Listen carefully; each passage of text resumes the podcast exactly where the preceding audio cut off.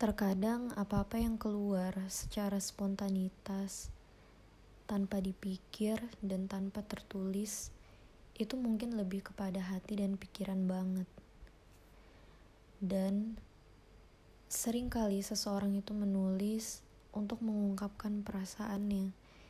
Misal segala bentuk kebahagiaannya, segala bentuk kekecewaannya, kekesalannya, kemarahan, dan lain-lain tapi bisa juga untuk memotivasi diri sendiri, untuk menguatkan diri sendiri, menegarkan. Terkadang juga orang yang terlihat paling bahagia yang ada di sekitar kita, bisa saja dia adalah orang yang paling sedih dalam kehidupannya, karena dia berusaha tertawa, membuat orang tertawa agar dia melupakan rasa sedihnya. Ya mungkin itu memang baik dan dibutuhkan dalam suatu lingkungan. Bahkan mungkin dia bisa jadi tempat untuk curhat. Tapi orang lain gak tahu bahwa dirinya sendiri itu punya banyak beban. Dan mungkin kamu salah satu orang yang seperti itu. Ya, menurut saya sah-sah aja. Seseorang mau mengungkapkan apa pun, mau menuliskan apa pun. Tetapi adalah pilihan kita untuk bijak dalam berbicara dan menggunakan jari jemari kita untuk menulis.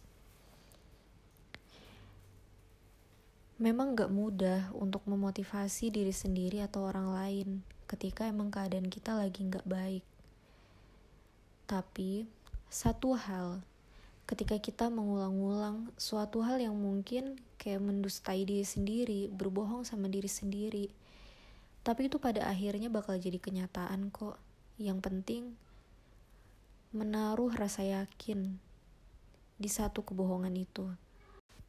Tentunya kebohongan yang positif ya, maksudnya lebih kepada self-talk seperti di audio-audio saya yang kemarin-kemarin bahwa memang self-talk yang positif itu penting banget supaya kita jadi pribadi yang lebih baik walaupun memang keadaannya itu gak sesuai sama kenyataan faktanya banyak banget masalah yang lagi dihadapin.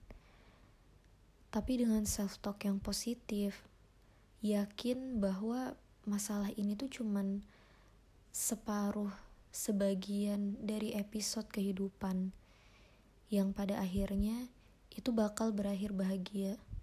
Dan kebahagiaan itulah yang harus selalu ditanamkan dalam pikiran dan perasaan. Buang rasa takut. Walaupun pada awalnya memang rasa takut, kekhawatiran akan masa depan itu pasti ada. Tapi yakin aja dulu, kalau itu semua bakal berlalu dan berganti dengan secerca harapan yang baru. Nah, dan ya itulah yang sering dilakukan oleh orang-orang yang terpuruk, jatuh sejatuh-jatuhnya, kemudian bangkit lagi. Persoalannya bukan di masalah jatuhnya. Setiap orang pasti pernah jatuh, susah, sedih. Tapi mereka yang bangkit itulah yang punya cerita khusus, yang punya cerita perjuangan tersendiri. Dan perjuangan setiap orang itu memang beda-beda. Kadarnya juga sesuai dengan mereka sendiri, masing-masing. Begitu juga dengan saya, dengan kamu, kita semua punya ujian yang berbeda-beda. Gak bisa dibandingin antara satu dengan yang lainnya. Kamu lebih mudah, saya lebih berat, atau sebalik sebaliknya. Yang terpenting adalah gimana mengubah suatu musibah, masalah, itu menjadi kebaikan. Mengecilkan masalah sekerdil-kerdilnya, supaya terlihat jalan keluar itu. Semangat untuk kalian semua yang lagi berjuang, untuk kalian semua yang lagi mencari kebahagiaan. Ingat, bahagia itu artinya merdeka, sama dengan suatu negara.